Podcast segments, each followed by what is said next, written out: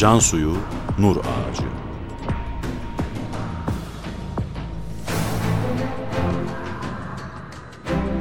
Metin Yusuf Ziya Özkan. Yöneten Ömer Parlak.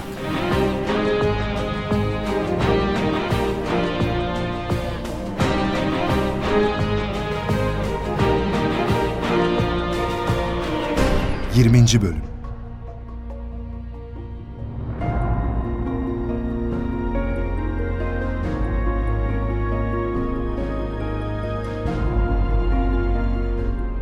Hüzünlü, rikkatli, firkatli, uzun gurbet gecesinde zaafı, aczi, dergahı ilahide o kadar büyük bir şefaatçi, o kadar büyük bir vesile olur ki hayret içinde kalır.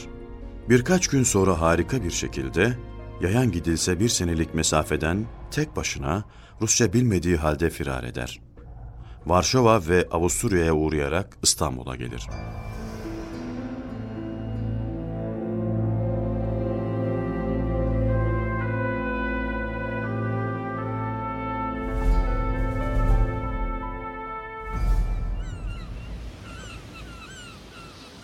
Tanin gazetesindeki haberi gördün mü? Hayırdır ne haberi? Ramazan ayı olduğu için pek vakit bulamıyorum göremedim. Nerede kalıyor acaba? Kimden söz ediyorsun? Kimden olacak? Bediüzzaman'dan. Ne olmuş Bediüzzaman'a? İstanbul'a gelmiş. 8 Temmuz 1918 günü İstanbul'a inmiş. Hadi ya. Gazeteyi görseydik. Bak orada var. Şöyle yazıyor. Kürdistan ulemasından olup talebeleriyle beraber Kafkas cephesinde muharebeye iştirak eylemiş ve Ruslara esir düşmüş olan Bediüzzaman Said-i Kürdi Efendi ahiren şehrimize muvassalat eylemiştir. Çok iyi ya. Kurtulmuş. Allah kurtarmış onu. Rusya'daki Türkler ve Müslümanlar da Bediüzzaman'ı çok sevmiş ve saymışlar. O sevilmeyecek insan mı? Sen sevmedin mi? Söylentilere bakılırsa esaretteyken bile yararlı olmuş. Rusya'da ihtilal olacağını Enver Paşalara bildirmeyi başarmış. Rusya'daki olayla ilgili fikrini öğrenebildin mi? Sadece şu kadarını biliyorum. Doğuda müthiş bir silah üretildiğini söylüyor. Ve bunun hak kısmına sahip çıkılması gerektiğini belirtiyor. Sonuç ne olacakmış? Diyormuş ki yine küssek onu da Hristiyanlık İslamiyet aleyhine kullanacak. Halkın çoğunluğuna yönelik bir fikir bir kutsiyet almazsa söner. Aslında o fikir kutsiyet almak için İslamiyet'e dehalet etmeye mecburdur. Nerede kaldığını biliyor musun? Henüz bilmiyorum ama yakında duyulur. Meşhur adamlar öyle kolay kolay gizli kalamaz.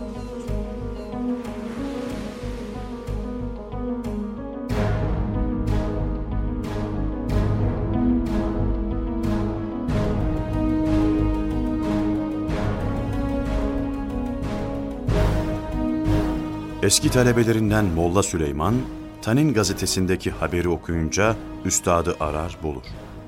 Sultanahmet'te kendisini ziyaret ederek elini öper. Bediüzzaman son derece hüzünlü, gamlı ve kederlidir.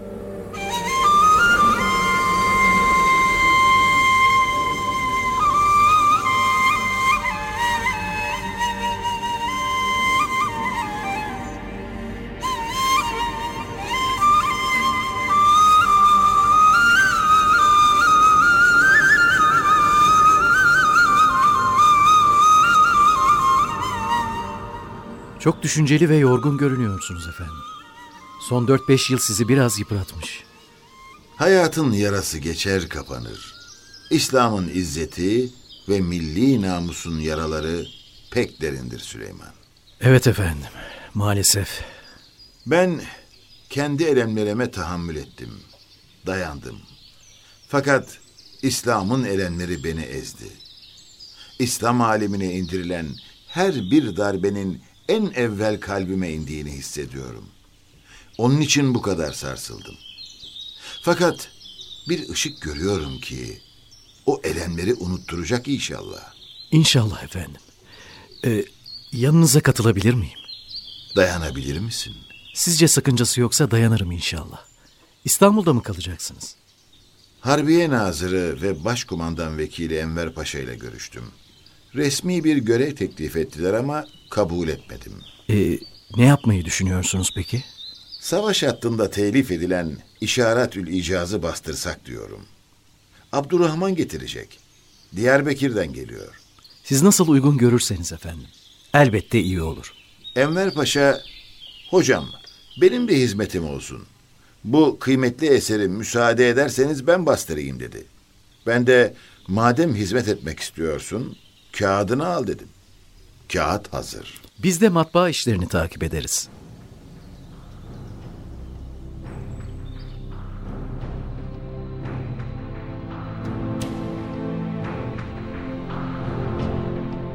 Harbiye Nezareti, savaşta gösterdiği yararlılık için 3 taksitte 150 lira ikramiye ile bir de harp madalyası takdir eder. 13 Ağustos 1918'de kendisine haber verilmeden Ordu-i Hümayun tavsiyesiyle Darül Hikmeti İslamiye azadlığına tayin edilir.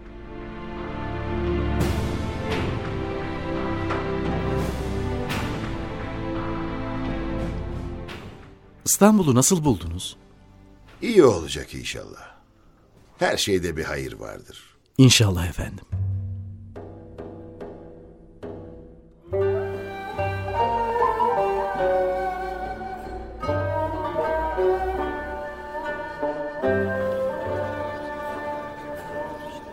Abdurrahman, üstad değişmiş gibi. Nasıl çalışıyor, neler yapıyor? Amcam Bediüzzaman bir müddetten beri akılla değil, sırf kalple meselelere bakıyor. Kalbine açık açık bir şeyler zuhur etse bana yazdırıyor ve diyor İlim odur ki kalpte yerleşsin. Yalnız akılda olsa insana mal olmuyor. hem de diyor Şu meseleler yalnız ilmi kaideler değil. Belki vicdanen esas ittihaz ettiğim kalbi düsturlarım, ölçülerimdir. Peki nerede kalıyor? Çamlıca'da Yusuf İzzettin Paşa Köşkü'nde kalıyoruz. İşaretül icazın işlerini ben takip ediyorum. Ne zaman çıkar? Pek yakında. Son işleri yapılıyor.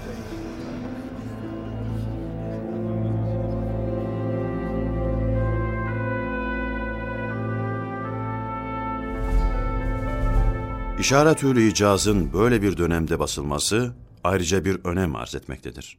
Darül Hikmet tarafından bu tefsir çeşitli müftülere gönderilir.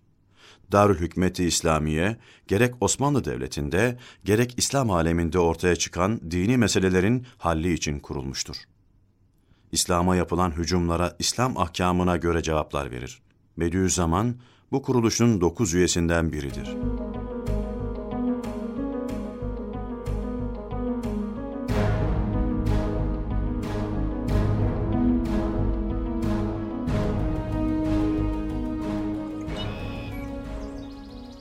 Padişah Vahdettin Hazretleri Bediüzzaman'a mahreç payesi vermiş. Bu paye ne işe yarar? İlim yolunda büyük bir ünvan bu. En yüksek alim demek. Kaynak alim demek. Sözü senet olan alim demek. Daha sayayım mı? E Bediüzzaman zaten öyle değil mi? Bu durum bir de padişah fermanıyla tehcid edilmiş oluyor. Darül Hikmet azalığı görevinde 10 ay izin vermişler. Benim duyduğuma göre ise istifayı düşünüyormuş.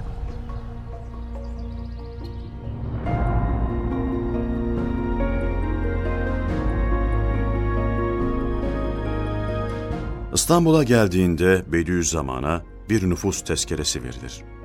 Bu tezkerede ikamet ettiği yer Sarıyer'de Fıstıklı Bağlar Sokağı'nda 18 numaralı ahşap bina olarak gösterilir. Dürül Hikmeti İslamiye azası olarak tanzim edilen mazbatada sorulan suallere ise şu cevapları verir.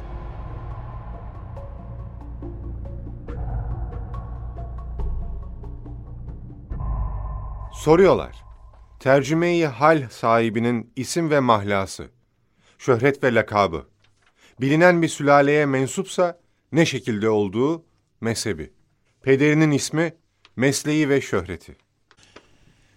Yaz. İsmim Said. Şöhretim Bediüzzaman. Pederimin ismi Mirza. Bilinen meşhur bir sülaleye nispetim yoktur. Mezhebim Şafii'dir. Devleti Aliye-i Osmaniye vatandaşıyım. Soru 2. Tarih ve doğum yeri. Yaz. Doğum tarihim 1293'tür. Doğum yerim Bitlis vilayeti, Hizan kazası, İsparit nahiyesinin Nurs köyüdür. Üçüncü soru. Osmanlı ülkesinde veya yabancı ülkelerde resmi veya hususi hangi mektep ve medreselerinde okudu? Yahut özel hoca nezaretinde hangi ilim, fen, sanat ve lisanları ne dereceye kadar tahsil eyledi? Soru devam ediyor. Oku. Sen devam et. Şehadetname, tasdikname veya icazetname alıp almadığı. Almışsa tarihleri. Hangi lisanlarla yazı yazabildiği ya da konuşabildiği. Basılmış, yayımlanmış eser ve telifi varsa neye dair olup ne zaman ve nerede tap ve neşrolunduğu. Devam et. Suali bitir. Sonra cevabına geçelim. Fenni buluşlar, icatlar ve sair hususlara dair bir imtiyaz veya ruhsatı varsa mahiyeti. Bir memuriyete ait seçilme belgesi ve ehliyetnamesi varsa o memuriyetin kaçıncı sınıf için hangi mahalden ve ne tarihte verildi?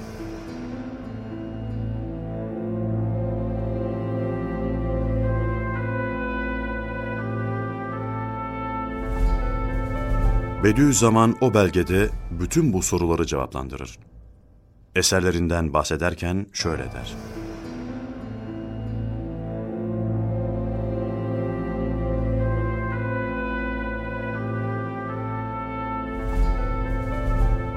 On yedi adet telifim var. Birincisi Arapça yazılmış İşaratül İcaz adlı tefsir-i şerif. Yine Arapça olarak mantığa dair Talikat ve Kızıl İcaz ve El Hutbetü Şamiye.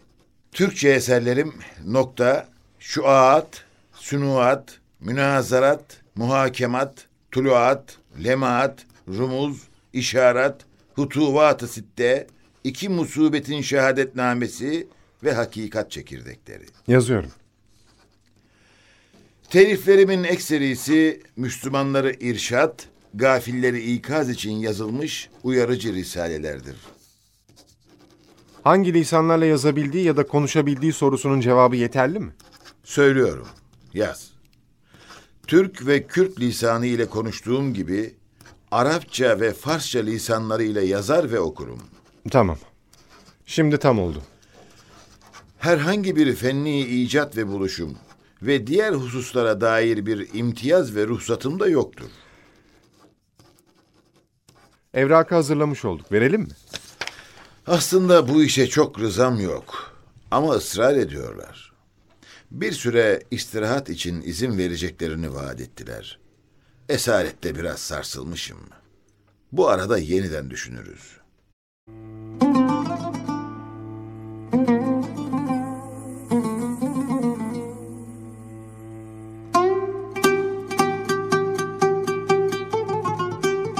Birinci Cihan Harbi'nde Osmanlı Devleti bitmişti. Bitirilmişti. 1 milyon 400 bin şehit ve yaralıdan söz edilmekteydi. 10 milyar altın frank maddi kayıp vardı. Harp masrafı olarak kayıtlara geçiyordu bu rakam. Osmanlı Devleti parça parça yutulmaktaydı.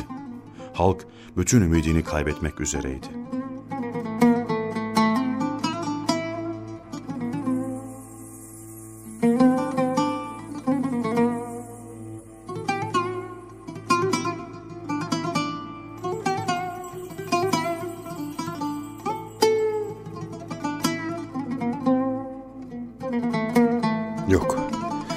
Artık bu devlet, bu millet, bu din. Dilim varmıyor söylemeye. Ulema azaldı. Korkarım dinimiz sönecek. Nasıl kainat söndürülemezse İslami iman da sönemez. Bir gevşeme, bir ilgisizlik gittikçe yayılıyor. İçtimai hayat İslam'da başlamıştır. Müminlerin imanı vicdanlarına dayanmakta ve cemaatin kalbinde sayısız sebeplere istinat etmekte. Görünen bir şey var. Zayıf mezhepler bile zaman içinde iptali müşkül bir hal alırken vahiy ve fıtrat gibi iki metin esasa dayanan İslam bunca eserde yaşarken rasih esasları ve bahir eserleriyle kürenin yarısında yaraları sarmış, iyileştirmişken, fıtri bir ruh olmuşken, hayır, bu güneş tutulmaz, tutulamaz. Zihnen, ilmen düşünüp de eser yazmak yerine kalbi sünuhat ve ilham mahsulüne daha çok değer veriyorsunuz. Herkes insanlarla meşgul. Ben insanlardan usandım. Misalilerle mübahese daha hoşuma gidiyor. Çünkü insaflıdırlar.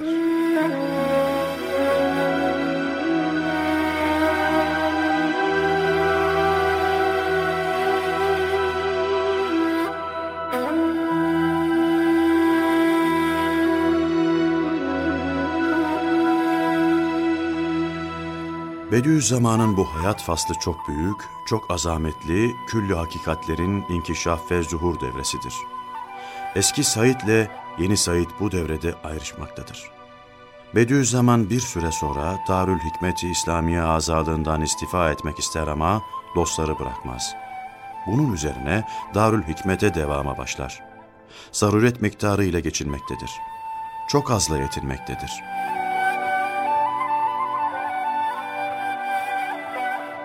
Maişetçe neden bu kadar fena yaşıyorsun? Daha müreffeh yaşayabilirsin. Gelirin buna müsait. Halkın çoğunluğu nasıl yaşıyorsa öyle yaşıyorum. Sevad-ı azam ancak bu kadar tedarik edebilir.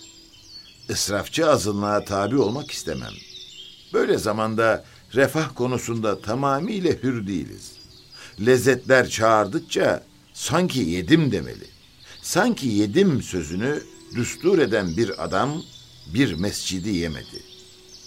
Darül Hikmet azalığı için maaş vermiyorlar mı? Veriyorlar. Lakin o para bize alabildiğine helal olmaz. Milletin malıdır. Hesabı vardır.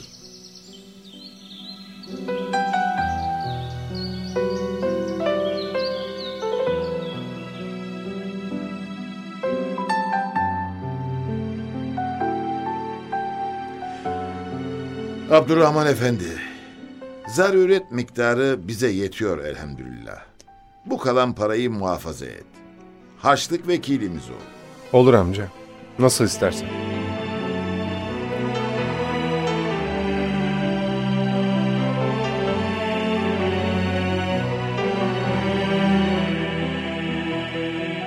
O dönemde Çamlıca'da kalmaktadırlar. Bediüzzaman Üsküdar'a gemiyle geçtikten sonra Çamlıca'ya kadar yürümektedir. Halk nasıl yaparsa öyle yapmaktadır. Bir gün yanından geçen bir faytonda yeğeni Abdurrahman'ı fark eder. Abdurrahman amcasının kendisine emanet ettiği parayı gönlünce harcamaktadır. 20. bölümün sonu.